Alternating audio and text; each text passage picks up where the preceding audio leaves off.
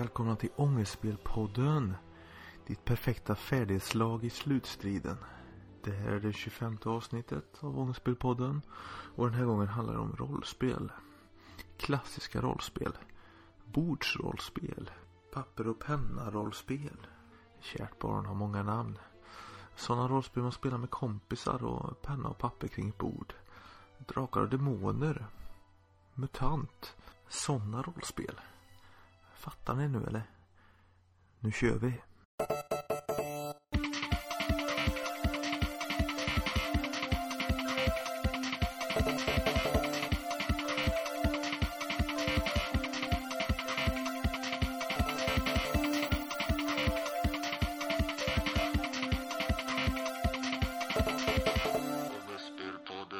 Du lyssnar på Ångestspelpodden avsnitt 25 som sagt. Och det kommer att handla om rollspel den här gången. Jag som pratar heter Daniel Lenner och snart kommer jag släppa in en gäst, Oskar Sandström. Rollspelen, främst Drakar och Demoner, de fullkomligt ägde pojkrummen på 80 och början av 90-talet. Jag spelade inte då. Jag var lite för liten på 80-talet, ärligt talat. Jag började först eh, kring 1990, strax efter tidigt 90-tal. Jag minns att en kompis storebror hade Drakar och Demoner. Och vi öppnade lådan och tittade med fumliga barnhänder på regelhäften, golvplaner och konstiga tärningar. Det kändes oerhört avancerat. Och jag tror vi blev lite avskräckta. Ah, Rollspel var utanför vår horisont. De kändes svåra, vuxna och därmed också spännande. Det gav en försmak av en annan verklighet. En verklighet som vi skymtade med oskuldsfull fascination. Tonåringens trevande steg mot vuxenvärlden. Med mopedtrim, Samantha Fox, Iron Maiden, tjuvrökning, snus och folköl. Och mitt i allt detta är att förringa krigaren mot orcher i det förlovade landet Erebaltor. Själv började jag spela rollspel cirka eh, 1993 tror jag. Jag gick i sexan eller sjuan. Och det var Drakar och Demoner som en kompis kusin hade introducerat för min kompis. Som glad i hågen sprang hem och köpte den där gröna papplådan. Han sålde in det till oss med ett spel där man kunde göra allt. Och det kunde man faktiskt. Det var bara fantasin som satte gränserna. Det var fantastiskt. Vi i vårt kompisgäng, vi spelade mest Drakar och Demoner. Det var klassisk fantasy med alver och dvärgar, tomtar och troll, drakar och vackra kvinnor i nöd. Onda magier som ständigt bodde i höga slott och var otroligt onda. Vi spelade också MUTANT, en mörk framtidsskildring. Cyberpunk med megastäder, multinationella företag som ägde hela världen cybernetiska kroppsimplantat och robotar. Det var som sagt första halvan av 90-talet. Rollspelen kom i den vevan att orsaka moralpanik i Sverige. Främst centrerad kring rollspelet Kult från företaget Äventyrsspel som vid den här tiden såldes i leksaksbutiker ihop med de mer oskyldiga varumärkena Drakar och Demoner och Mutant precis nu faktiskt. I slutet av 2015 så släpps det två böcker. Som tittar lite nostalgiskt på den här epoken. Och just eh, svenska rollspel. Och det är en bok som heter Äventyrsspel bland mutanter, drakar och demoner. Och en annan bok som heter Finna dolda ting. Vi kommer att beröra om lite i vårt samtal senare i podden. Det brukar vara jag och Jimmy Bäckström som eh, roddar i podden. Men eh, Jimmy har tyvärr inte spelat så mycket rollspel så att eh, Ja, den här gången bytte jag helt enkelt ut Jimmy mot Oskar istället för ett samtal om rollspelshobbyn. Nu som då. Då sitter vi här i Ångestspelpodden 25. Och jag har med mig en gäst här i studion idag. Det är Oskar Sandström. Hej hej. Vill du presentera dig själv lite kort kanske? Ja, det kan jag göra. Jag är lokalreporter på dagtid och på fritiden, kvällar och helger och liknande så är jag spelskribent på IGN Sverige. Och eh, så är du lite nördig också va? Du har lite nördiga intressen så. Lite och lite, det ska vi inte underdriva. Eh, jag håller på med eh, bordsrollspel eller papper och penna-rollspel eller vad man nu väljer att kalla det på fritiden och har gjort så sedan jag var åtta eller nio. Så att det är ju strax över 20 år som jag har hållit på. Det är väl sen kanske 92, 93 någon gång. Minns inte exakt. Och det är det vi ska prata om idag tänkte vi. Det är ju poddens tema här. De här klassiska rollspelen. Eh, kan man säga rollspel? Fattar folk vad man menar då? Nu för tiden? Ja, det är därför man måste lägga till tror jag. I och med att eh, rollspel har eh, flyttat in lite grann i de digitala spelen. Säger man att jag spelar rollspel nu så kan det innebära att man, man pratar om Final Fantasy eller eh, någon annan liksom större liksom, eh, tv eller datorspelserie. Så att jag brukar ofta på, påpeka liksom att det är bordsrollspel eller papper och penna-rollspel. Ja, Sånt där med att ja. slänga tärningar. Ja, nu tror folk att det är Antingen tror de att det är Mass Effect eller också tror de att det är något eh, sexuellt relaterat. ja men det växlar lite fram och tillbaka. Sen första början så var ju papper och penna-rollspel när det startade någon gång på 70-talet så var det ju en eh, brädspel som, eller strategispel som sen som fick mer och mer innehåll. Mm. Så det är mm. därifrån det startade och sen har det växlat över mer till att det blir färre miniatyrer till mer regelböcker och mer upp till fantasin. Till att i vissa, jag tror det är mest Dungeons and Dragons och Wizard of the Coasts utgivningar. Så har de, man plockat tillbaka eh, miniatyrerna igen. Mest för att, gissar jag, dryga ut kassan lite grann.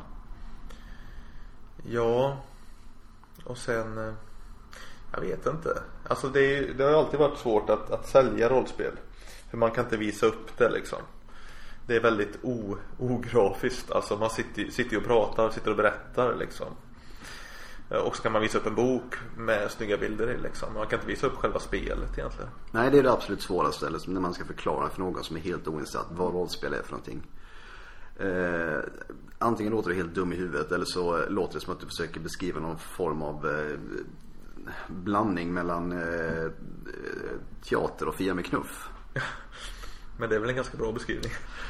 Ja, det är väl det. Alltså, det är så jag brukar försöka förklara det. Alltså, man ska väl kalla det som en, lit, en lite form av in, improvisationsteater med en viss eh, tävling eller regelverk Slump. dithäftat. Slumpgenerator. Och slumpen också. Hur började det för dig då? Vilka spel var det som eh, spelades? Det började för mig som jag tror att det är för de flesta människor att det började. Det var en, en barndomskompis vi gick på lågstadiet. Vad storebror höll på med där och så fick vi vara med lite på nåder för att prova. Och det var Drakar och Demoner då vi spelade. Det var en Det var versionen före 91 som den populärt kallas. Just det, svarta boxen. Precis. Så det var fortfarande procentsatser på den tiden innan de gick över till eh, färdighets, färdighetsvärden mellan 1 och 20. Och du är lite yngre än mig va? Jag är född 80. Och jag är 84. 84, det var en bra bit yngre. Då var du inte gammal när du provade på. Nej, det, och jag tror inte jag begrep så mycket egentligen av det. Men Nej. jag tyckte att det var ganska häftigt med eh, alver och orcher och eh, trollkarlar och eh, riddare och grejer. Hur gammal var du ungefär då? Jag var nog åtta eller nio. Ja, så egentligen ja. var jag ju för ung för det. Men ja sättet som vi spelade var väl kanske inte heller eh, Det är väl inte riktigt samma sätt. Det har ju, tack och lov har jag ju kommit en bit på vägen liksom att, att man spelar på ett annorlunda sätt. Alltså vi hade ju inte så mycket teater utan det var ju mer liksom att vi går dit, sen slår vi en tärning så ser vi vad som händer. Och eh, med tiden så utvecklas det mer och mer och den där kompisens eh, storebror han slutade ju såklart medan vi fortsatte och sen så har det under åren blivit eh, nya spelgrupper och nya spelstilar. Um, det var väl uteslutande Drakar och Demoner för mig fram till och med gymnasiet. Då började vi testa lite andra grejer också. Mm, mm. Och när gick du på gymnasiet då? Det måste varit kring millennieskiftet då? Ja, 2000 till 2003. Ja, ja. Det var väl då hobbyn egentligen dog i Sverige. Det var väl i den vevan? Ja, precis. Um, men det som vi, tack och lov, liksom vi fick en ny start av. Det var att eh, precis samtidigt som vi började gymnasiet. Det var då som eh, Riot Minds tog över varumärket eh, Drakar och Demoner och eh, gav ut nya böcker. Och det gav lite extra skjuts till eh, hobbyn, åtminstone- för vår del. Det var det här eh, Trudvang va? Precis. Lite mer, lite mer Norden, lite mer Granskog, lite mer Bauer-troll och Mycket mer John Bauer. Ja, ja. Det är ungefär allt jag vet om Trudvang, det jag drog nu. Ja, jag bara alltså om man Ska man förklara på ett enkelt sätt så eh, är det ju främst Det är mer islänningar, mer vikingatid, mer skog och mindre grottor. Skogen är den nya grottan skulle man kunna beskriva eh, Trudvang som. Ja, ja. Ronja Rövardotter kanske. Lite mer sånt. Ja. Det är fascinerande att tänka ändå på att vi under en period i eh, Sverige faktiskt hade människor som kunde försörja sig på att eh, jobba med rollspel. Ja, idag är det ju science fiction på något sätt och, och, och, tänka på det. Eh, Samtidigt så var science fiction då att folk skulle jobba med internet och försörja sig på det. och idag gör alla det liksom. Det är en rätt stor procent som jobbar med internet idag om man kollar på vår yrkesverksamma befolkning. Eh, men tiderna förändras, eh, absolut. Det jag tycker är lite kul är att eh, jag var ju med och drev den här, det som senare kom att benämnas som indie-revolutionen i rollspel Sverige. Där vi lanserade Svennerollspelet år 2000. Och var väl det första spelet egentligen som trycktes. Ja, vi kopierade ju spelet i början. På kopieringsmaskin. Men i alla fall små upplagor. Print on demand. Alltså det är ju allt idag. Det var ju inget förlag som ville ge ut vårt spel så då gav vi ut det själva. Och först gjorde vi, ja första Gotcon jag åkte på då hade jag med mig 3x. Sen nästa år hade jag med mig 10x. Och sen så tryckte vi 100x i stöten. Började det rulla. Men eh, idag vet jag inte. De spel som lever idag det är egentligen det, det är egentligen MUTANT va? Vad gäller eh, dagens eh, Om man, säger, om man säger de här gamla klassiska serierna. Av de gamla klassiska så, man skulle kunna säga att vi har en lite grann av en eh, nostalgisk rollspelsvåg. Att det blir eh, många reboots och remakes och omstarter och nytag för eh, varumärken. Mutant är ju ett av de stora. Drakar och Demoner har ju levt vidare, lagts på is och sen plockats upp igen. Vad är senaste budet där? Jag såg att det skulle komma en sån här nostalgiutgivning av Svarta Lådan. Men eh, Precis. det är väl inte det, det riktiga grejen liksom. Nej, det var ju en eh, Kickstarter som jag tror, eh, tror gick igenom. En eh, Kickstarter för att ge ut de eh, klassiska Drakar och Måner-reglerna på nytt. Fast med då eh, nya illus- illustrationer tror jag av eh, upphovsrättsskäl. Ja okej. Okej. Eh, vilka är det som ligger bakom den? Det är också Riot Minds. Det är Riot Minds Ja, fortfarande. de äger ju varumärket helt och hållet. Ja, just det. Kult är ju ett annat exempel som eh, också kommer få en ny start. Ja, men den licensen är såld utomlands va? Ja, det kan... Ja, nu blir jag lite osäker här. Jag undrar om inte det är Paradox som sitter på den licensen också och som har hyrt ut den till Helmgast. Men eh, jag vågar inte svära på det. Helmgast är ett annat eh, svenskt rollspelsföretag som eh, är delar av eh, gamla Neo Games med lite ny sammansättning. Ja, okej. Och eh, de kommer att ge ut en ny utgåva av Kult. Som var rollspelet som skakade Sverige. Jo tack, det kommer jag ihåg. det var ju precis när vi började spela rollspel på riktigt på högstadiet. Det var ju typ 94 eller någonting. Så att då fick man försvara sin hobby där. För det var ju lite, jag vet inte om det var så farligt egentligen. Det var mer att man, man slogs mot eh, väderkvarnar lite grann tror jag. För att folk hade sett på nyheterna att det var farligt och då var det någon lärare eller något som påpekade det liksom och då då börjar man veva liksom. Fast det inte var så mycket att veva mot egentligen. Ja, jag spelade Kult mest för att eh, jag hade vänner som spelade och när de beskrev alla vad de pysslar med så tyckte jag att det lät supertråkigt och inte alls eh, lockande. Jag var heller inte så inne på eh, just skräckgenren eller Lovecraft eller eh, något i den stilen utan för mig var det mer fantasy som gällde då. Alltså det är ju ett jättebra spel att spela vad man vill som helst som är nutidsförankrat egentligen. Vi körde ju lite Arkivex-aktigt liksom med, med Kult och hade jättekul faktiskt. Släpps ju två böcker nu under eh, senhösten slash vintern med rollspelstema. Ja, och jag ser fram emot båda två. Jag tror att de kommer ha lite olika ingång på, på rollspelsämnet. Eh, det är ju då böckerna Bland mutanter, drakar och demoner av Orvar Sällström och Jimmy Wilhelmsson.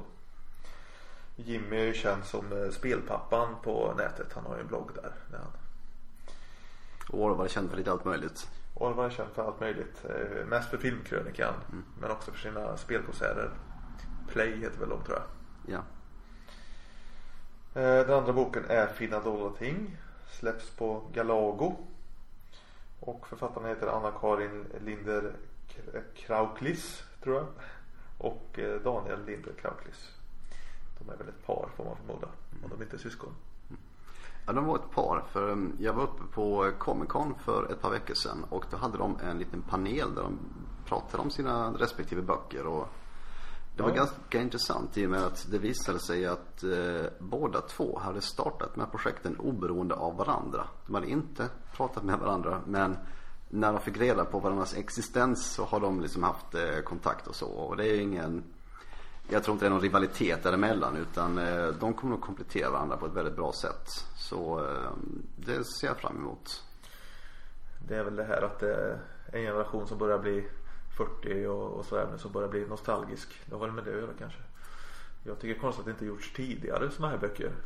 Jag tänkte också att eh, visst vad har vi haft innan att, eh, i svensk rollspelsväg när det kommer till böcker. Alltså det, är, ja, det närmsta är väl liksom de övergivnas armé och det är väl inte riktigt något att hänga i julgranen.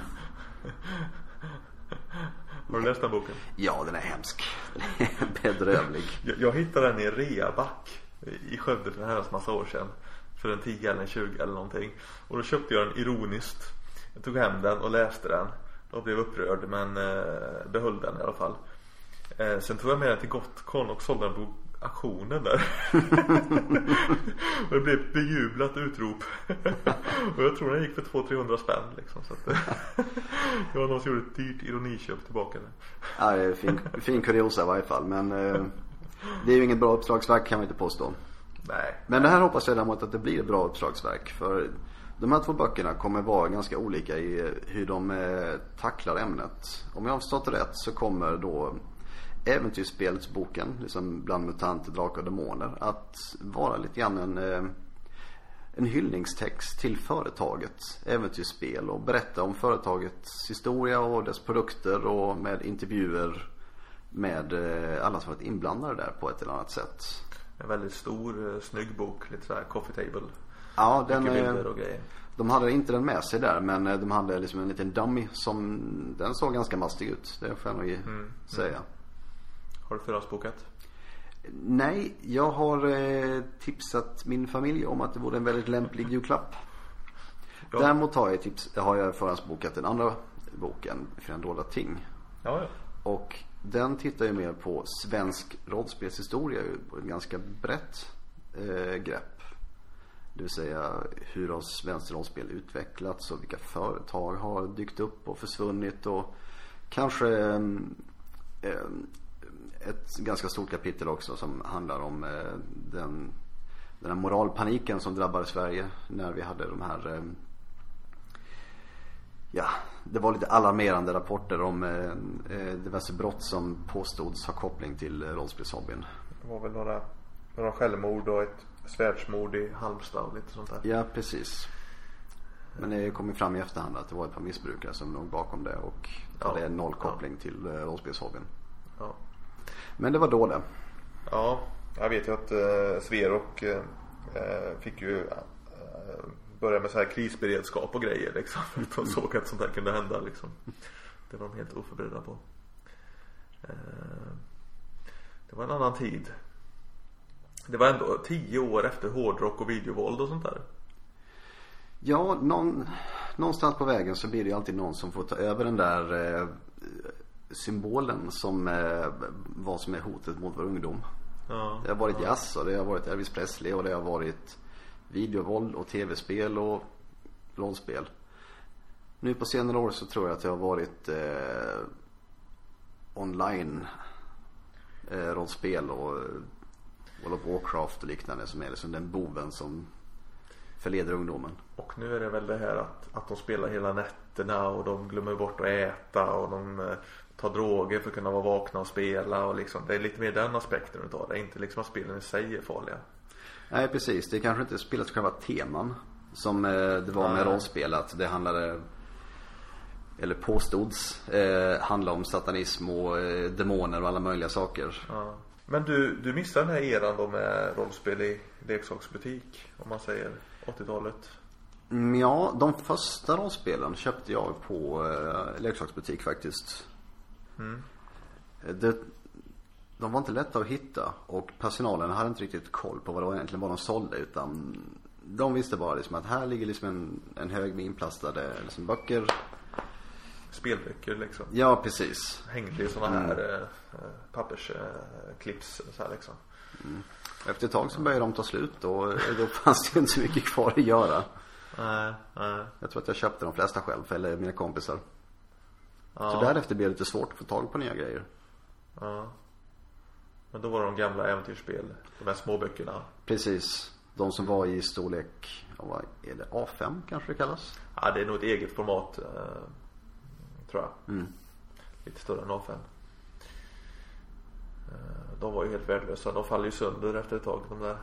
Ja, efter ett par år så eh, såg de ganska bedrövliga ut och det var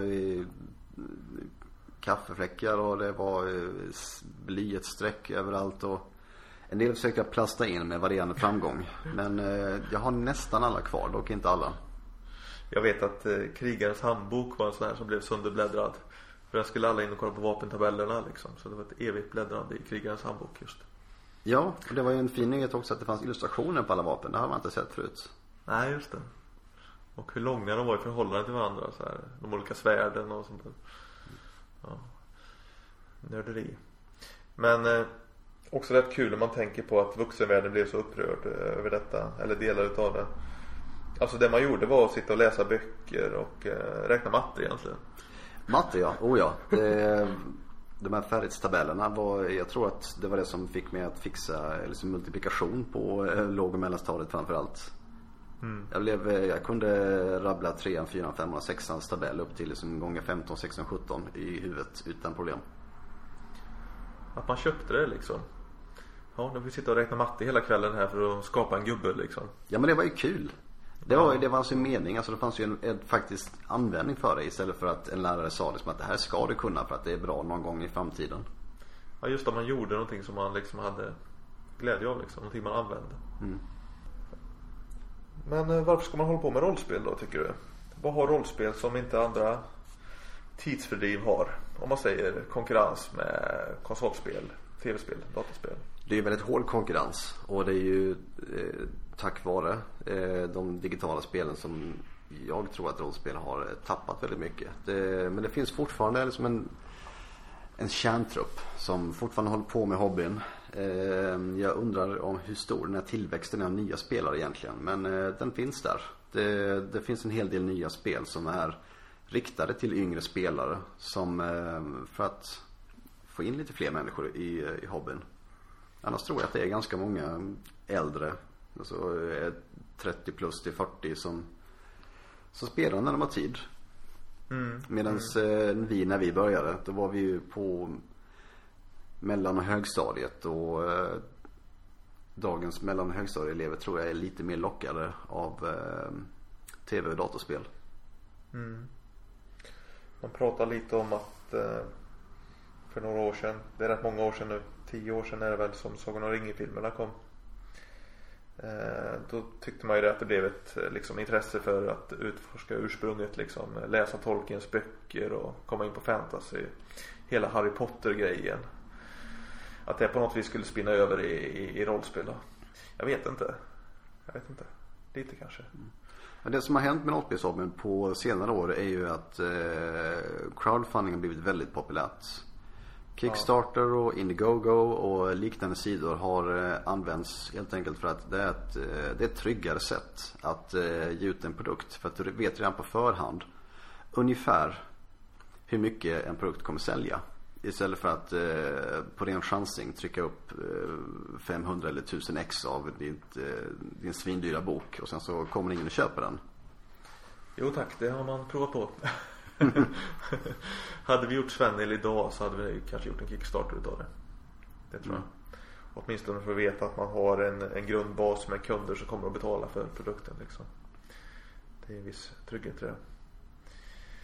Eh, men i övrigt min uppfattning är att det är mycket mindre aktörer. Eh, det är mycket independent eh, spel som, vad heter de, Bortom och Ja precis. Robert Johnson är väldigt driven och har hållit på väldigt länge med sina egna produkter. Mm. Och han har gett ut en hel del där.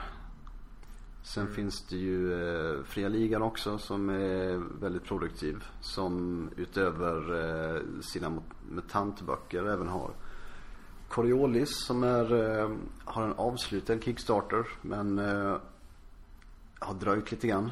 Det har dragit ut på tiden med nästa utgivning. Och de har även eh, provat att ge ut eh, ett lite mer barnvänligt rollspel. Som Peter Bergting har illustrerat. Fast ja. namn jag tappar just nu. Ja, jag tänker på det här äventyret men det tar en Det finns ju också. Som har gjort det. Mm. Uh, nej men det finns ju man vill ju man vill få in en ny generation. Man har insett att man klarar sig ju inte. Man överlever ju inte i längden liksom, på något sätt. Nej, det, precis. det ironiska är bara att, eh, att Sverok är ett ungdomsförbund liksom.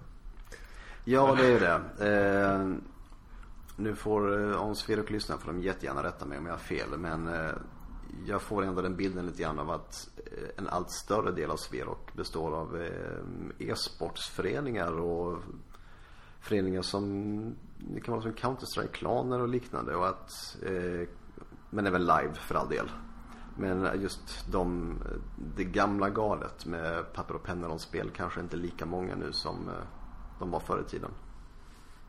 Nej, nej jag vet eh, Jag vet att dataspel tog över mer och mer på den tiden jag var engagerad. Eh, sen tyckte man inte det var ett problem riktigt utan man vill ju växa som förbund liksom och få fler föreningar liksom. Eh, så att det behöver inte vara dåligt mm. heller så att säga. Ja, när jag växte upp så var ju ändå rollspel och visst det fanns ju tv-spel och dataspel också men det var ju mer ett komplement. Det var inte som att det ena tog ut det andra. Men eh, har man problem med tidsbrist och måste prioritera så eh, kan det vara så att rollspel kanske är det som får stryka på foten. För att det kräver ju ändå att det är, du är ett visst gäng och ni ska ju helst träffas i verkligheten och inte över nätet. Sitta ner, boka tid, spela spel ett visst antal timmar. Det kräver lite mer förberedelse och lite mer tid. Alltså problemet eh, om man jämför då och nu det är ju det omvända på något sätt. Då hade man all tid i världen liksom. Och satte man på ett eh, tv-spel, ett NES-spel så var det skitsvårt liksom. Då kunde man spela en timme och sen körde man fast. Ett rollspel kunde man köra liksom tio kvällar. så det var det omvända på något sätt. Nu har man liksom inte tio kvällar att lägga liksom på, på en kampanj liksom. Eh, så upplever jag det. Jag vet inte. Nu är det mer liksom att tiden är dyrbar liksom. Och I mitt fall liksom, man har 20 minuter att spela på. Då plockar man upp ett retrospel och kör det liksom. Men eh, du är aktiv nu, du spelar rollspel. Ja, jag är fortfarande aktiv. Men eh, jag är inte lika, inte lika aktiv som jag var eh, förr i tiden. Det vill säga att det, det är mycket svårare nu att få till faktiska träffar med att sitta och spela rollspel. För att vi är äldre, vi har nya eh, bekantskapskretsar och alla har andra åtaganden som eh, gör att det är mycket svårare att få det att eh, klaffa för alla personer i gruppen. Ibland kan det dröja veckor innan vi ses, ibland kan det dröja månader. Det, det är svårare helt enkelt. Har ni någon sån här stor eh, kampanj som har pågått eh, länge liksom? Ja, vi har flera egentligen. En del har fått sättas på paus för att det tagit för lång tid. Vi har glömt bort hälften. Vi har en eh, gammal mutantkampanj i det som kallades för Undergångens arvtagare. Som eh, utspelar sig i Ulvriket. Det som eh, är ett postapokalyptiskt Danmark. Som numera är en eh, 1984 inspirerad militärdiktatur. Ja, just det. Och sen så har vi en eh, annan kampanj i det nuvarande MUTANT. Som handlar om djurmutanter som söker eh, fly ifrån en eh, paradisdal som är eh, ett fängelse egentligen. Mm. Just MUTANT är ju egentligen, det är ett eget avsnitt. Eller kanske en egen serie avsnitt. Det finns ju så många olika versioner utav det spelet. Eh, så att det var, blev ju ständigt missförstånd vet jag. För att jag spelar ju det här som ingen gillar. Det här, eh, det nya MUTANT. MUTANT 2089. Det är ju mitt MUTANT liksom. Det var okay. mitt första rollspel som jag fastnade för och, och uh, har spelat mest tror jag. Var det med ett cyberpunk MUTANT? Ja, du har inte kört det? Nej. Det är den här svarta boxen. Uh, släpptes 1989. Utspelade sig år 2089. Eh, väldigt inspirerat av den här cyberpunk-vågen som kom, eh, var populär då. Med Blade Runner och liknande? Ja, Blade Runner var ju väldigt tidigt i cyberpunk-vågen. Eh, det var ju böcker som, eh, vad heter de, Neuromancer och sådana här saker på 80-talet som var hippt. Också filmer som Gräsklipparmannen och sådana här grejer. Eh, så att, eh, men det var någon sorts blandning av gamla MUTANT. Så att det var liksom de här Mad Max-öknarna och eh, de här grejerna också. Och sen var det liksom megastäder som var som Blade Runner. Mm. så. Men eh, grejen var att man såg de här filmerna liksom och kunde pussla upp den här världen. Så att, eh, ja, vi tyckte det funkar bra mm. i alla fall. Men MUTANT just nu tror jag går ganska hyfsat tack vare att eh, postapokalyps har blivit ganska hett igen. Ja, mm. fast det brukar vara zombier i, i den. Ja, det finns väl en viss överlappning där men eh, vi har ju precis fått en eh, ny Mad Max-film och vi har fått nytt Mad Max-tv-spel och Fallout. Mm. En, en mm. nya delen kom ut här veckan och mm. det är ju postapokalyps och rosar om det. Mm.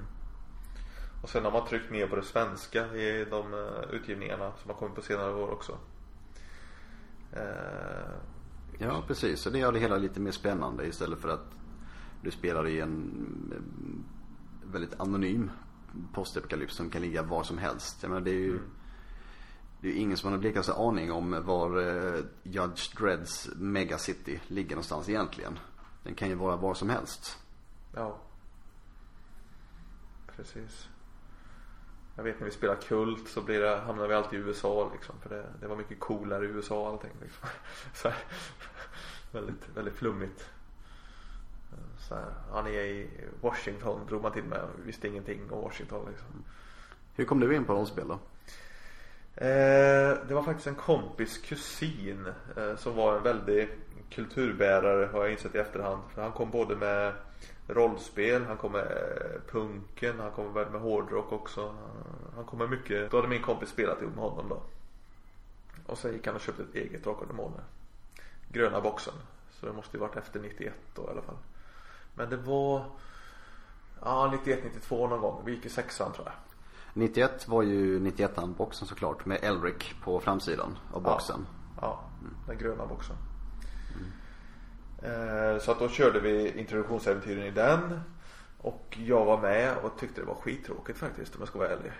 Eh, så det var inte förrän jag gav det en ny chans och vi körde MUTANT som jag fastnade och tyckte det var kul. Men det var spelvärlden. Eh, jag gillade inte riktigt den här fantasyn i den åldern faktiskt. Jag tyckte det var lite tråkigt. Det blev att man fastnade i sådana här evighetslånga strider. Och satt och slog tärning och räknade av poäng och sånt där. Och då kommer jag ihåg väldigt väl att eh, min kompis körde förenklade sköldregler. Så man slog liksom ett sköldslag och klarar man det så avvärjer man attacken. Och eh, då lyckades man hela tiden för man hade petat upp sitt färdighetsvärde i sköld. Så man hade typ 16 i sköld liksom, mm. så man misslyckades aldrig. Eh, så striderna var liksom väldigt, väldigt eh, trista liksom egentligen. Ett evigt eh, skyfflande med tärningar och grejer. Så det var liksom inte förrän vi började med MUTANT som jag fattade att spelvärlden var viktig liksom och det skulle vara balla liksom eh, grejer och sånt där. Eh, så det kanske tog något år. Jag tror jag gick i sjuan. Eh, på högstadiet ändå. Jag spelade mycket MUTANT. Svarta boxen. Då hade man ju fått nya kompisar också. Som höll på och sånt där diskutera om cybernetiska kraftarmar och sånt här på, på rasterna på högstadiet. De tyckte det var ballt. Så ja men det blir ju så eh, lätt att rollspelskompisar flyttar ut och in och det bildas nya människor som spelar rollspel tillsammans. Och det är väl ganska sällsynt att man håller kvar vid de gamla. Men å andra sidan kan det också vara liksom en väldigt trevlig sammanhållande länk Ja. Att man har rollspel så man kanske träffas och Se de här människorna som man inte umgås med i vanliga fall utan det Nu ses vi, nu spelar vi rollspel. Ja, precis. Absolut. Sen började vi rätt så tidigt eh, spela, spela seriöst som vi sa. Då började vi spela kult och sådana här grejer. Och då skapades Vännerrollspelet i den vevan för då ville jag liksom, jag tyckte det eh, Drakar och Demoner kunde bli rätt så tramsigt eh, mellan varven liksom. Och så, nej nu ska vi spela seriöst. Ja men då lastar vi över tramset på ett annat spel. Så kör vi bara tramset när vi spelar det. Och då blev det Sven-spelet då. Så att eh, det är rätt kul så här i efterhand att, att det föddes så kult egentligen det spelet. Hur gick det med Sven sen? Eh, vad menar du? Ja, så sålde ni slut eller eh, var det, finns det någon? Eh, det finns fortfarande. Vi tryckte upp böcker senast 2008. Tryckte vi upp 200 ex tror jag. De finns kvar fortfarande. Hälften ligger hemma hos eh, David i Skövde, tyvärr. Eh, behöver väl se till att de hittar ut i distribution och till spelaren. Men eh, ja, det har väl aldrig riktigt dött efter 2005. Och aldrig riktigt levt heller liksom. Det har väl Existerat lite ibland sådär. Vi gjorde mycket med spelet mellan år 2000 och 2005 ungefär. Arrangera på Borås spelkonvent och Gotcon mest. Hur kunde ett typiskt Svennill-äventyr se ut? Eh, ja, det var väl det lite problemet med spelet låg. Att, eh, att förklara vilken sorts äventyr man kunde spela. För att det blev ju mycket, mycket parodi utöver det va. Det, blev, det var ju liksom parodi på rollspel. Så. Eh, så att man satte liksom ett klassiskt rollspel i en nutidssetting egentligen. Och istället för att skurken var en ond magiker så var det en eh, fiskhandlare som var skurken liksom, till exempel. Eh, fast vi gjorde ju väldigt mycket äventyr till det. I den versionen som finns nu av grundspelet så är det fyra introduktionsäventyr med. Som blir längre och längre sen. De två första är korta och sen så är trean lite längre och fyran är ganska lång. Så. Eh, och så gjorde vi konventsäventyr, 10-talet konventsäventyr. Eh, fyra av dem samlade vi i en bok och gav ut. Vet jag. Eh, så vi fick upp en viss rutin på det. Mm. Eh, men det, blev, det var ju mycket, mycket parodiska element. Eh. Jag för mig att dricka kaffe var en egen färdighet. Ja, ja det var det. Absolut. Hade stora problem att förankra den färdigheten i, eh, i mekaniken. Vad ska man ha den här till? Börjar folk fråga i version 3 av spelet. Eh, ja, det är ju kul. Ja, men vad har man det till? så då började vi skriva in sådana här kaffedrickningsdueller. Jag vet, det var, det var en gubbe så här som vägrade säga någonting till rollpersonerna. Om de inte var bättre än honom på att dricka kaffe. så att jag uh, fick hitta på anledningen till att färdigheterna fanns i vissa fall. Ja. Nej, det var en kul kreativ period. Det blev det. Men eh, det var också, det var, jag minns att man var full med motsättningar när man åkte på konvent. För att eh, helst ville jag ju spela kult. Eh, och så var jag ändå där för att spelleda Svenny liksom. och alla ville snacka med mig om Svenny liksom. Och, och, och sådär. Och man ville börja satsa lite seriöst på serietecknandet och så i den åldern också. Så att, eh, det var en märklig tid. Vi var rätt så drägliga på den tiden så när man tänker tillbaka så här. Man var, man var typ eh, 20 liksom så här och så. Så vet jag liksom att eh, eh, arrangörerna vill ju att man ska vara spelledare. Eller också butikssäljare. Eller också deltagare om man ska hårdra det. Och vi var ju lite allting va. När vi, när vi kom och ibland betalade vi, ibland inte och sådär. Och, och sådär och eh, Alltså en butik fick ju betala så här 5000 spänn eller någonting. Det kunde inte vi göra liksom. Det var ju inte realistiskt. Så vi stod ju liksom i korridorerna och sålde våra grejer så här och, och så. Det var inte så här, inte så populärt i början. det, det, var ju det här att vi blev tagna för eh, fanzinutgivare som sagt. Och det var ju det vi var egentligen. Så. Så jag vet att vi fick Gotcon att införa det här att man skulle betala eh, Små utgivare fick ställa ut och betala 10% av det de omsatte tror jag. Jag tror det var så dealen var. Mm. Så att det, eh, det körde vi sen. Om man säger, eh, om man ska ha någon ångestspelaspekt utav rollspel, vad, vad skulle det vara då? Det skulle nog vara alla eh, oändliga regeldiskussioner som man har när det handlar om, eh, om rollspel. De är eh, otaliga och de leder nästan aldrig till någonting bra. Det är det som är den stora skillnaden mellan eh, rollspel och andra former av, eh, av spel. Pratar du liksom digitala spel och tv-spel då är det inte så mycket snack. Alltså du är tvungen att följa reglerna. Det går inte att komma runt. Nej, då har man buggar istället. Man har buggar eller man har en fuskkod.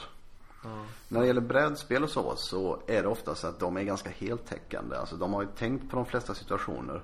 Men rollspel är så pass fritt så att det finns nästan alltid undantag när den här regeln inte riktigt fungerar. Och det finns också en eh, det finns en trovärdighetsaspekt som man inte behöver ha i brädspel. Det vill säga, finns det en regel för det här som känns rimlig?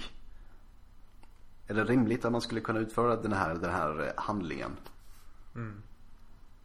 Men om reglerna säger att jag kan hålla andan i fem minuter. Känns det rimligt? Nej men det står ju i reglerna. Ja, fast du tolkar det på det sättet. Själv, så... tänker jag, själv tänker jag på det här, eh, det här fummelslaget. Jag vet inte om det bara finns i Drakar Demoner eller finns i MUTANT också. Ja, det finns ju ganska många gånger finns ju bestraffningar för när man eh, liksom fumlar eller får ett fatalt misslyckande eller vad man nu väljer att kalla det i olika regler och spelverk. Totalt misslyckande. Och då händer ju värsta tänkbara. Och det var ju sån här rolig grej när man spelade att, att tänka ut det värsta tänkbara i alla lägen. Mm. Vet jag att man tyckte. Jag tycker att man förbluffande ofta slog antingen 1 eller 20 på den här tärningen. Eh, eller också minns man bara de eh, slagen. ja det känner ju så i varje fall. Ibland undrar jag inte om man borde köpa nya tärningar lite oftare när man märker att de har blivit eh, snednötta. I Svennerås-spelet fumlar man på 13. Det, för det är olycksnumret. och det som var bra med det var att vi märkte att folk tenderade till att höja sina färdigheter till 12 och inte högre. Och det, det var ju bra för då blir spelet roligare. ja, ska vi ta runda av det här lilla samtalet kanske? Ja, det kan vi göra. det skulle handla om rollspel och det har jag väl gjort också, tycker jag. Ja, alltså vi har ju pratat lite grann om eh, våra egna rollspelsbakgrunder och eh, hur vi kom in i hobbyn. Lite grann om hur eh, svenskt rollspel har sett ut under de senaste årtiondena. Lite grann om Svennil också. Och lite grann om, om de här två böckerna som är på gång också. Så att eh, vi har väl täckt in det ganska bra här. Ja, det tycker jag. Ja slutar vi där. Så att det